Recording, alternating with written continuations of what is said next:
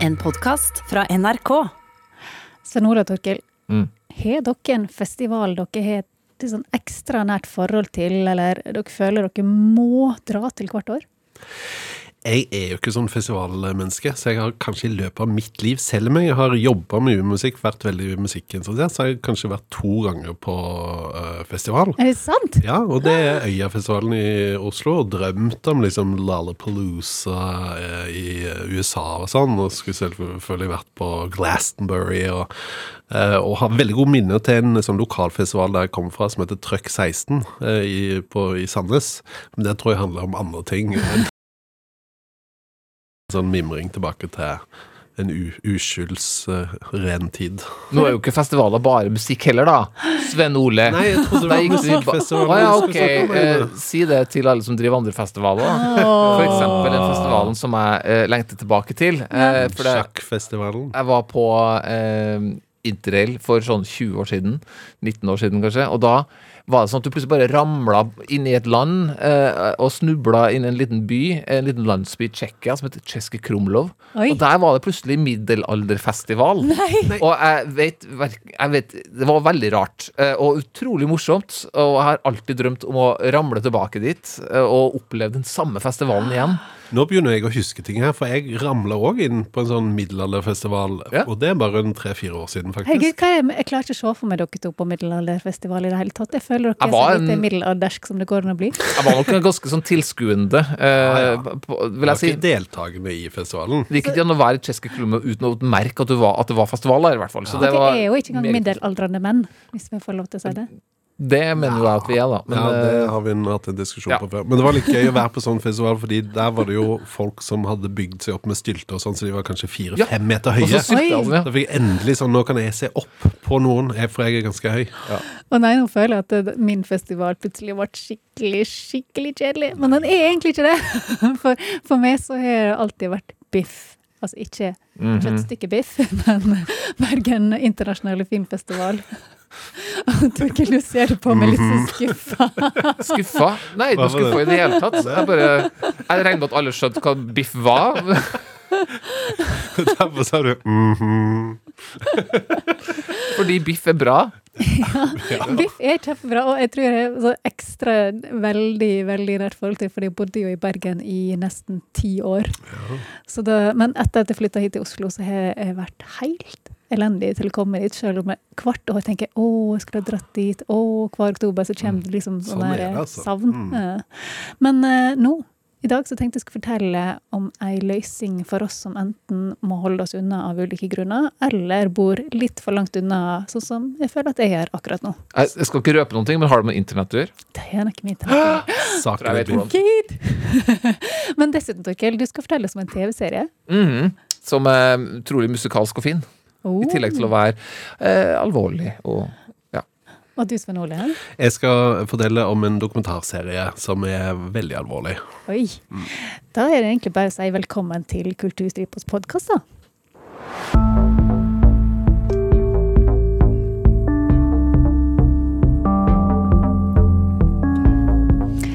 Vi er jo egentlig et radioprogram som går hver hverdag på NRK P2 mellom to og tre, der vi både har gjester, anbefalinger, reportasjer og konserter. Men i denne podkasten her så samler vi de beste anbefalingene fra veka som er gått, slik at du som hører på vet hva som er verdt å bruke tida di på. Og med meg i dag for å gi deg disse her, er dere, mine kjære kollegaer Torkel Risan og Sven Ole Engelsvold. Hei. Hei. Hei. hei, hei. Hei, hei. Og Svein Ole tenkte vi kunne begynne med det. Ja. Jeg begynner med en eh, dokumentarserie som, eh, som det er veldig vanskelig å si eh, Eller det vites ikke om det er true crime. eh, fordi man vet ikke om det har begått, blitt begått noe kriminelt. Oi. Eh, rett og slett. Så det er litt sånn interessant i seg selv. Potential crime. Ja, potential crime. Potential crime. Potential true crime. Ja, eksempel. Mange muligheter der. Men det handler altså da om um, denne forferdelige eh, båtulykken, eller skipskatastrofen, i 1994. Husk, vet ikke, husker dere det? Estonia. Estonia, ja. Mm. Vi har jo sånn, du har Scandinavian Star, vi har nylig vært en dokumentarserie om det. og nå, Dette er på en måte litt mer sånn svenskenes eh, Scandinavian Star, for det var flest svensker som eh, da dessverre uh, gikk bort i forbindelse med, uh, med denne ulykken. Og så er det en kar som heter um, en ung journalist svensk som heter Henrik Evertsson, som har, tror han brukt god tid altså, på å lage en dokumentarserie om hva som egentlig eh, skjedde denne eh, grufulle høstdagen. Det er sånn ca. nøyaktig 26 år siden eh, nå. Og jeg eh, anbefaler den fordi jeg, altså den den er veldig god, rett og slett. Det er jo så mørkt og trist at hvis du sitter og ser dette her på en, eh, en eh, sånn høstkveld, så det, det, det blir ikke noe god eh, altså, Du får ikke godfølelsen. Nei, du gjør ikke det, altså. Jeg, jeg må jo si at det gikk ikke mer enn Jeg tror det gikk 40 minutter før jeg begynte å Altså, du vet sånn, du får en tåre i øynene, det er én ting, men jeg satt og hulka, rett og Oi, slett. Eh, så liksom de som var rundt meg, måtte liksom Ja, går det her? Så måtte liksom Oi, nå skjer det noe med sånn noe. Så det gjorde veldig sterkt inntrykk. Kommer tilbake til akkurat hva det var. Eh, men eh, ja, jeg kan jo forklare litt mer eh, hvorfor jeg liker det, eh, Gin og Torkil. Og det er jo Altså, sånn som for meg, Estonia, et vagt minne om den ulykken. Og så er det jo sånn når man er ung og, og dummer, holdt på å si, så skjønner du kanskje ikke helt og Dette har jo vært en sånn pågående greie som har vart helt fram til uh, i dag. Uh, men det som jeg skjønte da, med um, da jeg så den dokumentarserien, er jo at eller man tar inn over seg på en veldig sånn ny eh, måte at dette handler jo om enkeltmenneskers eh, grusomme skjebne, og ting som de da selvfølgelig har levd med siden den dagen. De som har overlevd dette, og de som har vært pårørende. Veldig sånn sterke møter i eh, dokumentaren her. Du møter en eh, som gikk på, som eh, gikk på bibelskole, skulle på tur. Uh, kose seg på båten, var, sang til og med karaoke. Liksom, i- det var jo litt sånn moderne, det var Vesten, dette her. Hva sang Eh, nei, det var en dame, da, men jeg husker ikke helt det, de, de Men det sier var god dansk danskebåtstemning, på en måte. Ja, det var veldig sånn, og det var altså, og det å kunne reise med stolene var jo som Altså, de hadde Det var taxfree, og det var karaoke, og det var liksom litt stas, da. Uh, så det var sånn spesielt for de som dro fra Estland, så var det liksom en sånn reise inn til det vestlige. Men eh, hun her var på, på bibelskole, sang i karaokebaren, koste seg, eh, vant da en alkoholfri drink. Det var viktig å påpeke at det var alkoholfri drink hun vant, siden hun da gikk på bibelskole. Gikk da ned eh, for å legge seg etter det. Eh, og så eh, skjer jo da det som skjer. Denne båten, eh, eller det som vi ennå ikke vet, altså det, var det baugporten som åpna seg, eller var det noe Det har jo vært noe eh, Det gikk i hvert fall skeis. det gikk skeis, og den sank jo så raskt, denne båten. Men hun overlever da denne katastrofen, men mister jeg tror det er 13 av de klassekameratene sine. Eh, så det blir jo voldsom traumebearbeiding da hun da skulle tilbake igjen på skolen etter hvert. Og så møtte du f.eks. han som løp ut av eh, lugaren, lå der og skjønte ok, nå er det noe vann på veggene her. Dette, sånn skal det ikke være eh, på en båt når man ligger og sover. så han, sa, han sier sånn Vanligvis er er ikke jeg en mann som liksom bare løper ut i boksershortsen min, men her så, så gjorde han det bare sånn instinktivt. Skjønte at noe var galt. Sitter da seks timer, syv timer på sånn flytende En av disse får eh, liv... Eh, hva heter det? Liv- Livbåtene. Livbåtene. Som, som funka. Eh, fordi de, de, de kom feil vei. Det var så mye som det er så mye rart med denne ulykken her, og det blir nøsta opp da i dokumentaren. Men han blir da til slutt henta opp av en redningsmann fra helikopter, da fortsatt i denne boksershortsen. Veldig grusomt og sterkt eh, å tenke på. Og veldig mange sånne møter som dette her er det man da får i dokumentarserien. Jeg har tatt med eh, et klipp. eh, fra da det var da jeg eh, ikke klarte å holde meg mer. Der møter vi en nordmann som heter Harald Setsås. Um, og han har vært en av disse um, veldig aktive når de har nå prøvd å jage sannheten i alle disse årene. her. Det er jo forskjellige sånne pårørende grupper og sånn. Uh, og her forteller han på veldig sånn enkelt vis, uh, syns jeg, hvordan han har følt det. Uh, og rett og slett uh, da miste sin sønn, som bare var seks år gammel da Estonia sank.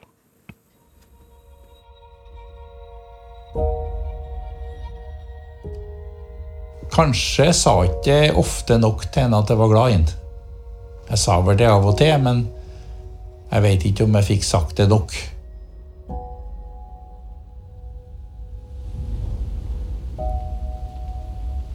Jeg vet kanskje heller ikke om jeg fikk sagt at han var um, en så flott gud som han var. At forlora sitt barn er at forlora sin framtid, skrev den svenske forfatteren Naja Marie Ait.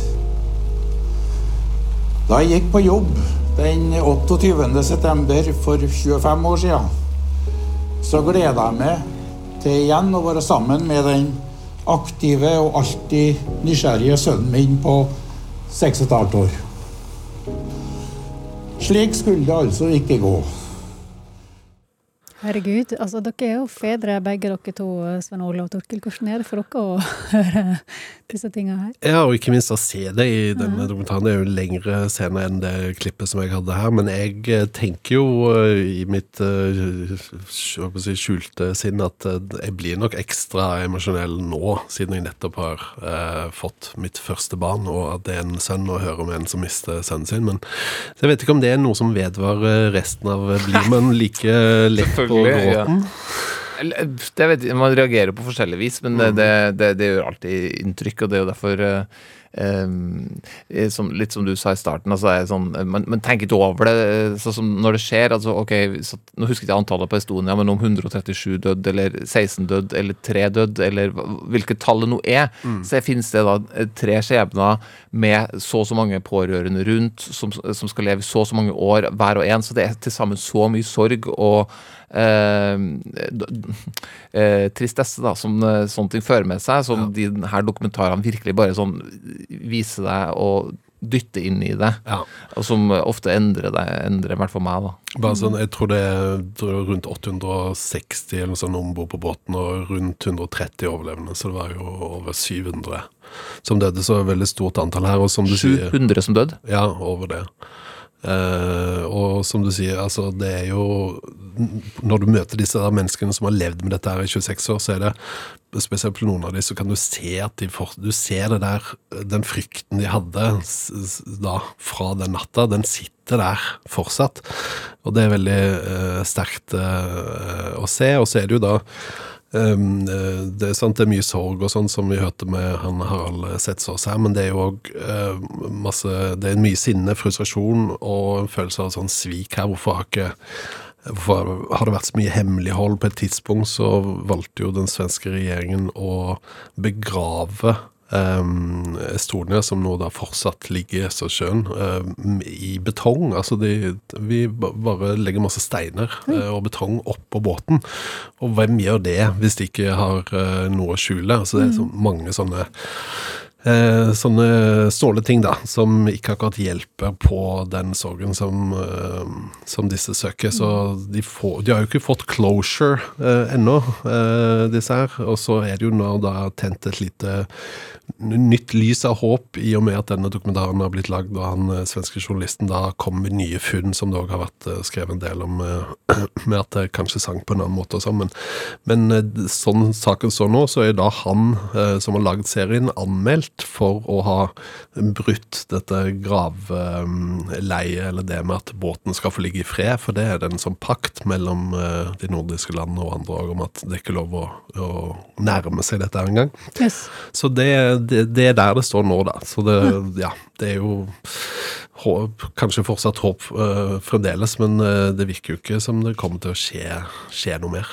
Men, men, Altså at de eh, berger båten for å virkelig endelig se hva som har skjedd. da. men, men hvor mange episoder har kommet, og hvor mange episoder skal det bli? Det? Altså, for, det var, øh, lå raskt ute fem episoder, og det står sesong én med fem episoder, men det virker jo som om det er det for nå, i hvert fall. Eh, ja. Det er ganske avsluttende i femte episode der. Så Estonia finner vi altså på strømmetjenesten Dplay. Ja, stemmer. Tusen takk, Svein Ole. Torkil, Mm. hva har du latt begeistra av i det siste?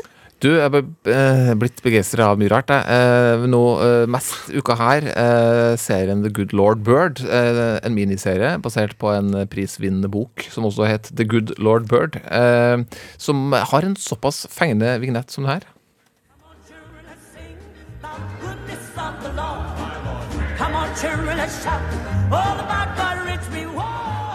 Det er vanskelig å ikke liksom, røre på kroppen, ser jeg. Både Sven Ole og, og Jean. Jeg var rett på, jeg. Altså, Fin nå er vi på søndag i, i USA, plutselig. Ja, Finn takten etter et halvsekund der. Eh, men det her er da altså da et, et westerndrama med mye vold, mye humor, eh, mye tidsriktig tematikk rundt eh, rasisme.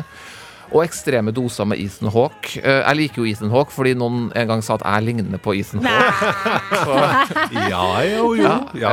Jeg vil si at han er ganske masse styggere enn det i denne serien her, i hvert fall. Ja, ok, jeg tar den. Eh, men det her er da basert på eh, virkelige hendelser. Eller som det står i den korte plakaten med en sånn ansvarsfraskrivelse i starten. Alt er sant! Mesteparten har skjedd. Det var så gøy. Ja, eh, Hovedpersonen her er den eh, virkelige, historiske skikkelsen John Brown. Det er noen av dere som hadde noe forhold til John Brown fra før? Absolutt ikke. ingenting. Nei.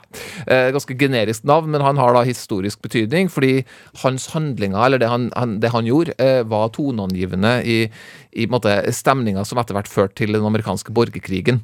Eh, så vi er i 1859 her, og borgerkrigen starta jo i 1861. Eh, Men han var en, eh, en rabiat, eh, voldelig, manisk, særdeles kristen. Ofte brølende, alltid spyttende, eh, og inderlig motstander av slaveri.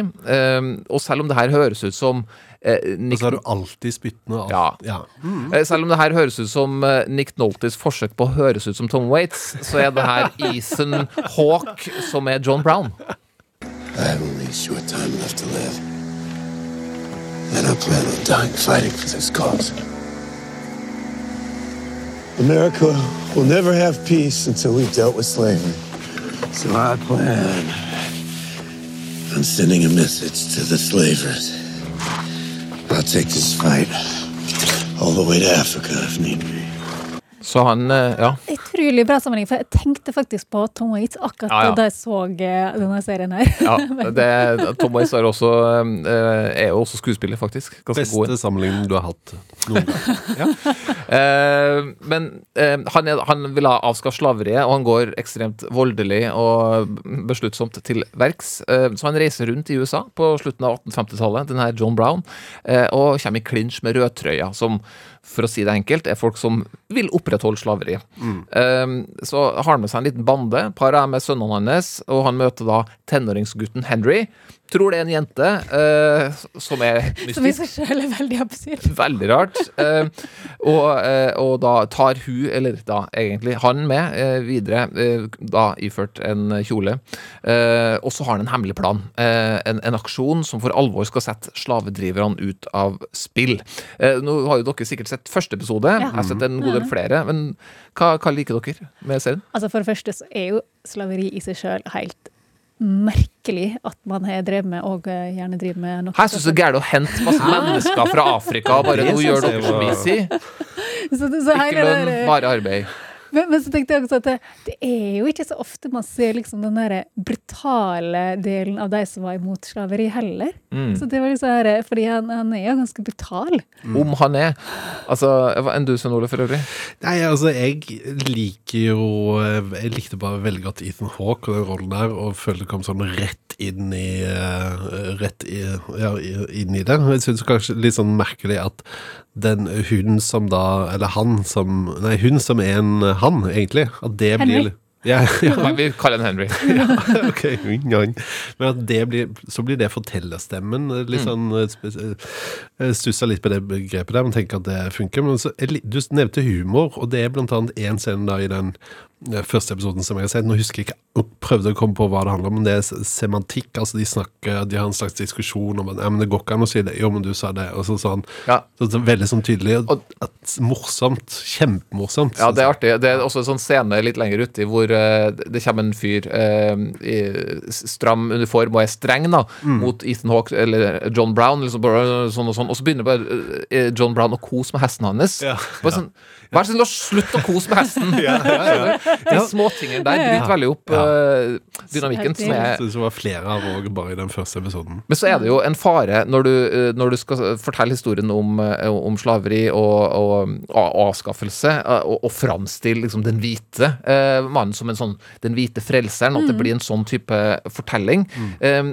eh, men her syns jeg serien er ganske påpasselig med å ikke gjøre det. Blant annet litt Det her er vel fra episode tre, når John Brown møter en annen historisk berømthet, eks-slaven og aktivisten Frederick Douglass. The slave needs freedom. He doesn't. He doesn't care how. He oh. doesn't care. He doesn't need talk. Oh, he so needs now action. you know what the Negro slave needs. I know this wicked practice has to end. And I know every slave will take up arms to make it so. Are you quite finished? As someone who has never lived in bondage, never been owned, never been savaged, never been used to death and then discarded. Please, do not presume to tell me what a slave will or will not do.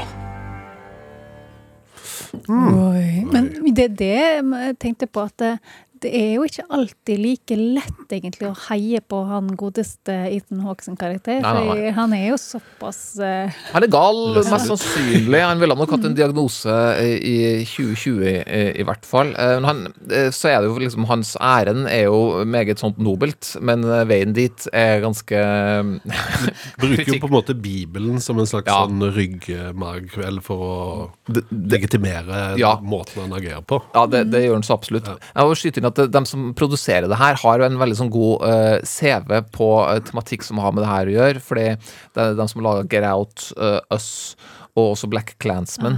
Så det har en sånn troverdighet når det kommer til en sånn type opparbeidelse av det. Så, eh, så, så det er jeg også tilfreds med. at jeg synes, jeg synes han, er ikke, han er ikke noe helteskikkelse. Selv om han, eh, som at han går i kampen for det gode, så er det John Brown en veldig sånn uh, Han er litt antihelt. karakteren der. Han er litt sånn antihelt på en Ja, ja, måte. ja, han er det. Men han er jo ekstremt severdig, og det er noe av det jeg begeistres av her, er jo Ethan Hawke. Jeg elsker spyttet, karismaen. Han tok lynnet til John Brown etter sin egen bestefar. Brøt stadig, brøt stadig ut i brøling, og bibelsitatene kom raskt og, og bestemt. Bestefaren til Ethan Hawke? Ja, eh, han, han, eh, han tok eh, måtte inspirasjon i, Wow. til figuren fra han sin. Eh, men så liker jeg også estetikken. altså Bare sånn som dere har sett vignetten. Den er veldig sånn Tarantino gjør westernesk. Eh, også de små dryppene av humor har vi vært inne på. Eh, no, eh, nydelig rollebesetning ellers også. Men det som nesten står mest ut for meg, er musikken. Den er fabelaktig. Nesten, nesten for fabelaktig, faktisk. Fordi altså, jeg sittedanser og knipser eh, mens folk skytes. Eh, og i episode to, eh, dere som skal se den, den er en helt uhyggelig scene med en offentlig henging av ni personer som hadde feil hudfarge, eh, på et torg. Eh, det står folk der og liksom skriker og sånn, og så står det noen hvite og gliser, ikke sant? Eh, og oppå det her, så, som er fullstendig opprørende, så sitter jeg og fikler med telefonen og skal finne fram den der musikkgjenkjennelsesapplikasjonen Shazam. Shazam! Ikke sant? Fordi, vent litt, er ikke det her Nina Jo, det er Nina Simone med I Shall Be Released. Ikke sant? Det er så bra musikk at det skaper nesten en distanse for meg. Oi. Så det er jo en eh, det, det, det er jo en Pluss og minus på en gang. Ja, faktisk. Det er noen, det, er noen ganger så er det sømløst, eh, men noen ganger så er, er tar det meg faktisk ut. Eh, Så det er jo noe eh, Noe å tenke på. Eh, Det skal vi ta med oss inn i helgen. Ja, det er litt sånn som er helt med Picky Blinders av og til. mm, Ja, det, det, den har faktisk litt det, altså. Mm. Men The Good Lord Bird, altså miniserie på HBO Nordic i sju deler, og første episode ligger ute nå. Så Mm. kommer det episoder hver uke framover. Så jeg og Svein Ole kan i hvert fall glede oss. Du har jo sett det meste allerede. Så- Ja, jeg har sett fem og sju, da, så jeg har et par. Den skal vi se hele av. Og så var det med og muligheten til å oppleve min eh, favorittfestival igjen, endelig. Altså For de som ikke er så godt kjent med Biff, for det er jo ikke alle som nødvendigvis har hørt om Biff, selv om du så på meg med litt sånn her strengt blikk i stad, Altså Bergen internasjonale filmfestival. Filmfestival. Ja. Ja. Det er jo en årlig filmfestival i Bergen der de viser rundt 120 filmer. Og det som for min del i hvert fall skiller Biff fra en del andre filmer, er at det stort sett alltid er 50-50 fiksjon og dokumentar. Og den der store, tunge dokumentardelen, men samtidig iblanda med ganske masse fiksjon, gjør jo at det for min del i hvert fall er en perfekt blanding. For da kan man liksom gå inn i disse her tunge temaene i dokumentarene, og så på en måte lette litt på trykket og se på noe fiksjon innimellom. Mm. Så det er liksom indrefileten til festivalen, på en måte? Ja. Ja. Altså, og lurte på hvilket eh, type ordspill skulle komme neste gang, og da var det indrefilet. Så nå nå kommer nesen og sånn etter hvert. Entrecôten. Men som jeg sa i starten, så er jo det altså siden jeg flytta til Oslo, så har det vært altfor dårlig med turer over fjellet for å oppleve biff, og det har jo eh, vært et veldig stort savn. Nå skulle han si Ja, for du er jo også vegetarianer, så Nei, nei, jeg har ikke tenkt å si noe mer ennå. Bare fortsett, Jean. Beklager for takk, Torkel. Snorre. Ja. Torkil, nå må du skjerpe deg. For i år så har det kommet en løsning for oss som er så treige fiser, som ikke klarer å komme oss over fjellet. Eh, Biff Pluss er en sånn filmleietjeneste på nett med kun kvalitetsfilmer kuratert av Biff-folka. Og eh, altså jeg vet ikke om dere husker, i vår så lagde de jo en sånn liste på nett der vi kunne se hvor alle tidligere Biff-filmer var tilgjengelige på forskjellige plattformer rundt omkring. ja, det var veldig god service. Mm, men så da måtte du klikke inn på vidt forskjellige, kanskje overalt, for å se alle de forskjellige filmene. Men nå har de altså samla alle filmene på én side, eller er veldig mange filmer i hvert fall. Men hvilke filmer er det der, da? Altså Foreløpig så er det over 70 filmer der. Veldig mange tidligere Biff-filmer, men også tidligere Cannes-festivalfilmer og andre kvalitetsfilmer. Men nå på mandag, eh, 12. oktober, så slipper de 70 av de eh, 120 filmene som er på årets festival også der. Så da kan man jo lage sin egen filmfestival hjemme, og til og med sånn ut. snakke med venner som lager sin egen filmfestival hjemme, eller til og med snakke med folk som er på filmfestivalen fysisk om de filmene som går. Å ja, for det skal arrangeres fysisk òg. Ja, ja, ja. Ja. Det arrangeres fysisk i Bergen samtidig. Så det er liksom eh, 70 av de 120 filmene som vises fysisk der borte, som er til, blir tilgjengelig på mandag. Kjenner. Men Har du noen favoritter sjøl av det som skal i årets program? Ja, det er jo Med tanke på at det er 70 skikkelig bra filmer, så var det ganske vanskelig, nesten umulig, å finne ut eh, hva man skulle liksom velge ut som favoritter. Men jeg tenkte at hvis en må virkelig prioritere noe, så ville jeg begynt med disse tre hvis en ikke enda har sett dem. Og det er da nummer én. 'Portrett av en kvinne i flammer' av Céline Sciamma, som er en av de absolutt vakreste filmene jeg så i hele fjor. Vi kan høre et sånn bitte, bitte lite klipp ifra den. L'homme intéressé par ma fille est milanais. Nous partons là-bas si le portrait lui plaît. Il a épuisé déjà un peintre avant vous. Que s'est-il passé Je ne sais pas. Og så er det den o store Oscar-vinneren, eh, korean- sørkoreanske 'Parasitt' av eh, Bong Joon-ho. Du, du Torkel, har vel sett den, har du også? Jeg har ikke sett den ennå. Nei? Ja, det er selvfølgelig sett den. Ja. Så har jeg et lite klipp fra den også. 넌 이 좋은 실력으로 왜 미대는 맨날 떨어지냐? 아, 죽을래. 서울대학교 문서 위조학과 뭐 이런 거 없나? 나이 기준이에 수석이 박아야겠다. Altså, det er jo en eh, så utrolig svart komedie at det er nydelig. Den er så svart at eh, Ja, jeg skjønner. Ja, det er en veldig underholdende, da. Veldig. Ikke røp alt, da. Nei, nei, nei. og så tenkte jeg, hei, så må en jo selvfølgelig få med seg den store norske Har du sett, Amanda-vinneren. har du, ja, har du sett barn, Sonole? Svein Ole? Jeg har ikke sett barn Du får ikke lov å komme på jobb igjen Nei, før du før du har sett barn. Ok. Og nå har du mulighet til å gjøre det på Biff Pluss. Vet bare at Hans Olav Brenner spiller i den, og han jobber jo med oss nå. Ja, ja, men da kan du se han klippe negler. Ja, ok. Kan høre et lite klipp fra barn også. Vi snakker om en jente på 13 år som ved et uhell forårsaket en annens død. Det er altså så fantastisk manus på den eh, filmen der at det Mm. er latterlig, nesten. Men er alle filmene fantastiske, liksom? Ja, I hvert fall alle de jeg har sett der. Altså, det er jo, det er jo en helt bråte med andre filmer, men hvis man har sett disse så her, så, så det er bare å forsyne seg. Jeg vet jo at uh, Druk skal ha uh, premiere der. Mhm. Er den også, Vet du om den er tilgjengelig sånn fra stua mi, eksempel? Det er godt mulig. Jeg har ikke sjekka akkurat det, men jeg ville ha sjekka, for det er jo tross alt 70 av de 120 filmene som blir tilgjengelig. Men hvordan gjør jeg det? Hvordan funker det? Eller Hva det koster det her? Og Og, Det er ikke gratis. Nei. Eh, Du går inn på c, altså se.biff.no, og så lager du en sånn bruk brukerprofil, og så leier du de filmene du sjøl har lyst til å se. Altså, du trenger ikke å lage noe abonnement eller kjøpe noe festivalpass, men du leier en film som da koster mellom 35 og 70 kroner, alt etter hva film du velger å se. Okay. Så de fra årets festival er selvfølgelig litt dyrere enn de gamle filmene. det er jo greit nok. Og så er det kompatibelt med både Apple TV og Chromecast og sikkert smart-TV også, så det er jo bare å få det opp på en storskjerm hjemme, og så kan hvis man vi har fått oss ny Apple TV nå, det her er jo virkelig bare å sette i gang. rosa eller blå eller hvit? Rosa eller blå eller hvit? Det er en Ja, svart det er- boks, vel? Nei, nå har jeg kommet i sånn her fancy på Nei, det, Å, vi, nei. det var Kronkassen som kom til det. Men uansett, sida er jo tilgjengelig ut året, så det er ikke krise hvis man ikke får sett alt nå. Og, men det man kan være litt var på, er at de filmene fra årets festival, der er det faktisk begrensa med leieplasser. Altså det er som en kino, men det er, ikke, det er ikke nok plasser til alle. Så man må passe på å sikre seg den filmen man har lyst til å se, og de er bare tilgjengelig ut oktober. Spennende, altså. Det skal jeg sjekke ut. Jeg skal jo Mm, det er altså på c.biff.no, så kan man fylles opp med skikkelig gode kvalitetsfilmer. Nydelig. Men nå skal vi fylle oss opp med Musikk! Ja! Og Svein Ole, vi begynner med det igjen. Jeg har tatt med en eh, dame fra Randaberg. Rennaberg! Randaberg! Du dro hjem! Jeg dro hjem, rett og slett. Uh, Randaberg, det er der Bjarte Tjøstheim er fra. Ja, det er akkurat til å si det. Stedet som har fostra storheter som Bjarte Tjøstheim, og så er det egentlig ikke noen flere. Utenom Marianne Ingebretsen, som da kommer fra Randaberg. Hun eh, begynte så vidt å sysle med EP og gi ut musikk og sånn i 2011. Eh, studert litt eh, musikk.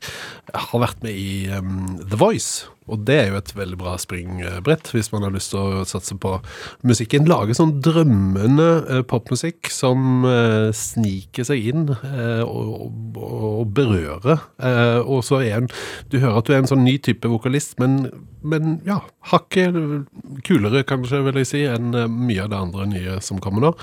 Og så har hun laget en sang om sommeren, så her eh, falt jo jeg pladask. Var, du er nostalgisk allerede, du, om sommeren. ja, og gleder meg veldig til, til neste sommer. Ja. Hva heter sangen? Sangen heter 'Summer Days'. La oss høre. I'm torn up, nothing left here, I'm worn out. Stuck on your couch, I've been blacked out for days now.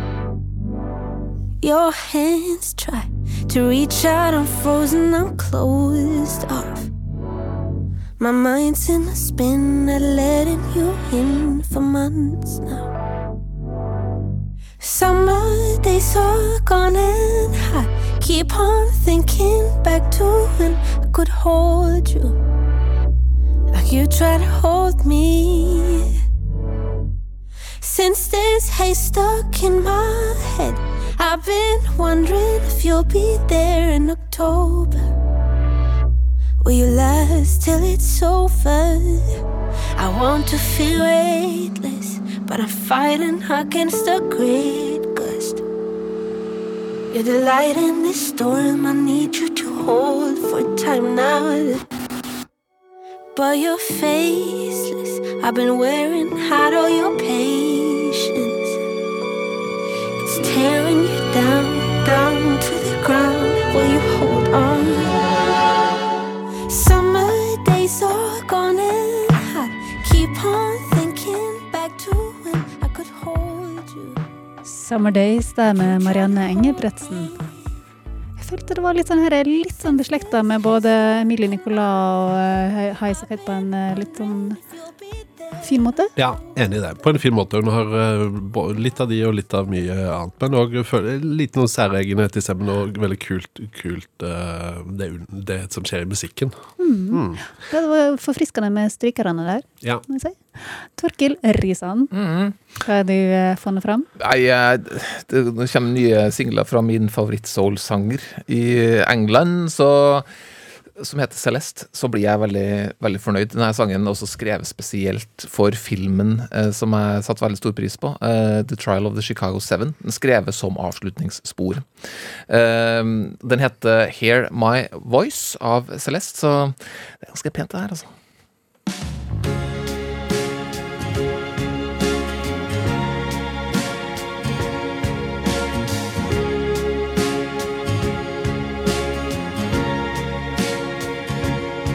Hear my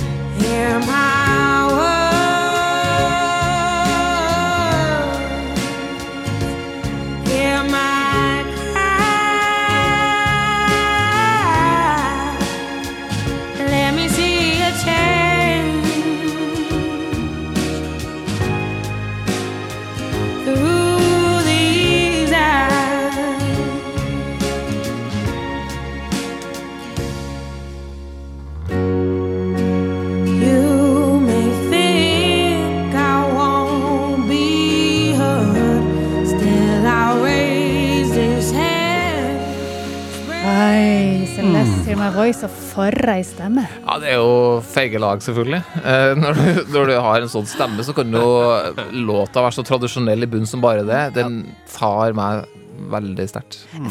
liksom, altså Når hun knekker på stemma og liksom Mm. går over til å være sånn luftig, da får jeg nesten litt sånn Karen Dalton-følelse. eh. Ja, ja. Eh, det er et triks som blir brukt her. Det funker. Det funker så vanvittig bra. Altså, jeg har jo tydeligvis fått en hang på folk med artige artistnavn. Ja, ja. For, forrige gang var det Babbedubbedubbedubbe. Ja, eller Bibabedubi. Ja, det var det. Men denne veka her så er det Deradorian. Så lo alle sammen. Men altså, Angel Deradorian hun heter faktisk Deradorian til etternavn. Og uh, hun har tidligere spilt med et uh, annet band som jeg liker veldig godt, uh, Dirty Projectors. Men har de siste åra kjørt solo, og nå for litt siden så ga hun ut albumet Find the Sun. Og den låta som jeg har tatt med meg derifra i dag, heter Corsican Shores. Kan jeg bare høre?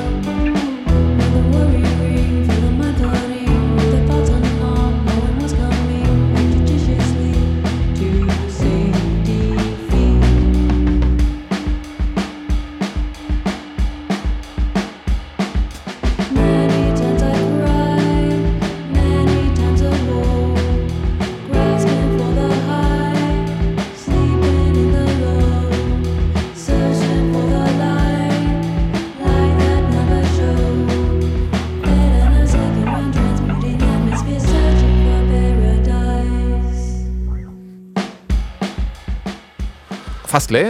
Ja. Corsican Shores, Deradorian. Hvis du hadde tatt den ned i halve tempo, så kunne det vært soundtracket til en sånn David Lynch-film. Hallo! Helt enig. Satt og tenkte på det. Og basspillinga her, det kunne du kjøre en del bra luftbassing til, tror jeg, Ole. det har jeg sett. Ja, for det er noe deilig med det her litt sånn flytende drømmene her også, med liksom bare ligge der som et sånn teppe. Man må bare ta navnet luftbass og gjøre noe med det. Altså Enten lag eh, et band, en bok eller en lek til det. Og med den oppfordringa der, så Jeg tror vi gir oss der. Jeg hører den. jeg hører den. Men altså, jeg må bare minne folk på at det er lov å sende oss tips på kulturstripa, krøllalfa Hva om vi hadde fått et artig spørsmål, så kunne vi gjort noe med det? Ja. Eller en oppfordring. Ja, vi er ikke så harde å be. Nei, vi er, vi er veldig lett å be. Så det, det, nå ber vi konkret om det. Ikke sant? Og så ber vi også gjerne om at folk sprer videre ordet om at denne podkasten er fin, så jeg kanskje legger igjen en liten anmeldelse. Ja, altså det, du betaler jo fem stjerner på eh, podkastnedlastingsstedet for å høre det. Så da gjør det, og så skriver du en liten hilsen. Og med det så takker Svein Ole Engelsvold Takk. og Tukkel Risan Luftbass. og jeg, Jean Kristin Sena, for i dag. Takk for at du hører på. Du har hørt en podkast fra NRK. Hør flere podkaster og din NRK-kanal i appen NRK Radio.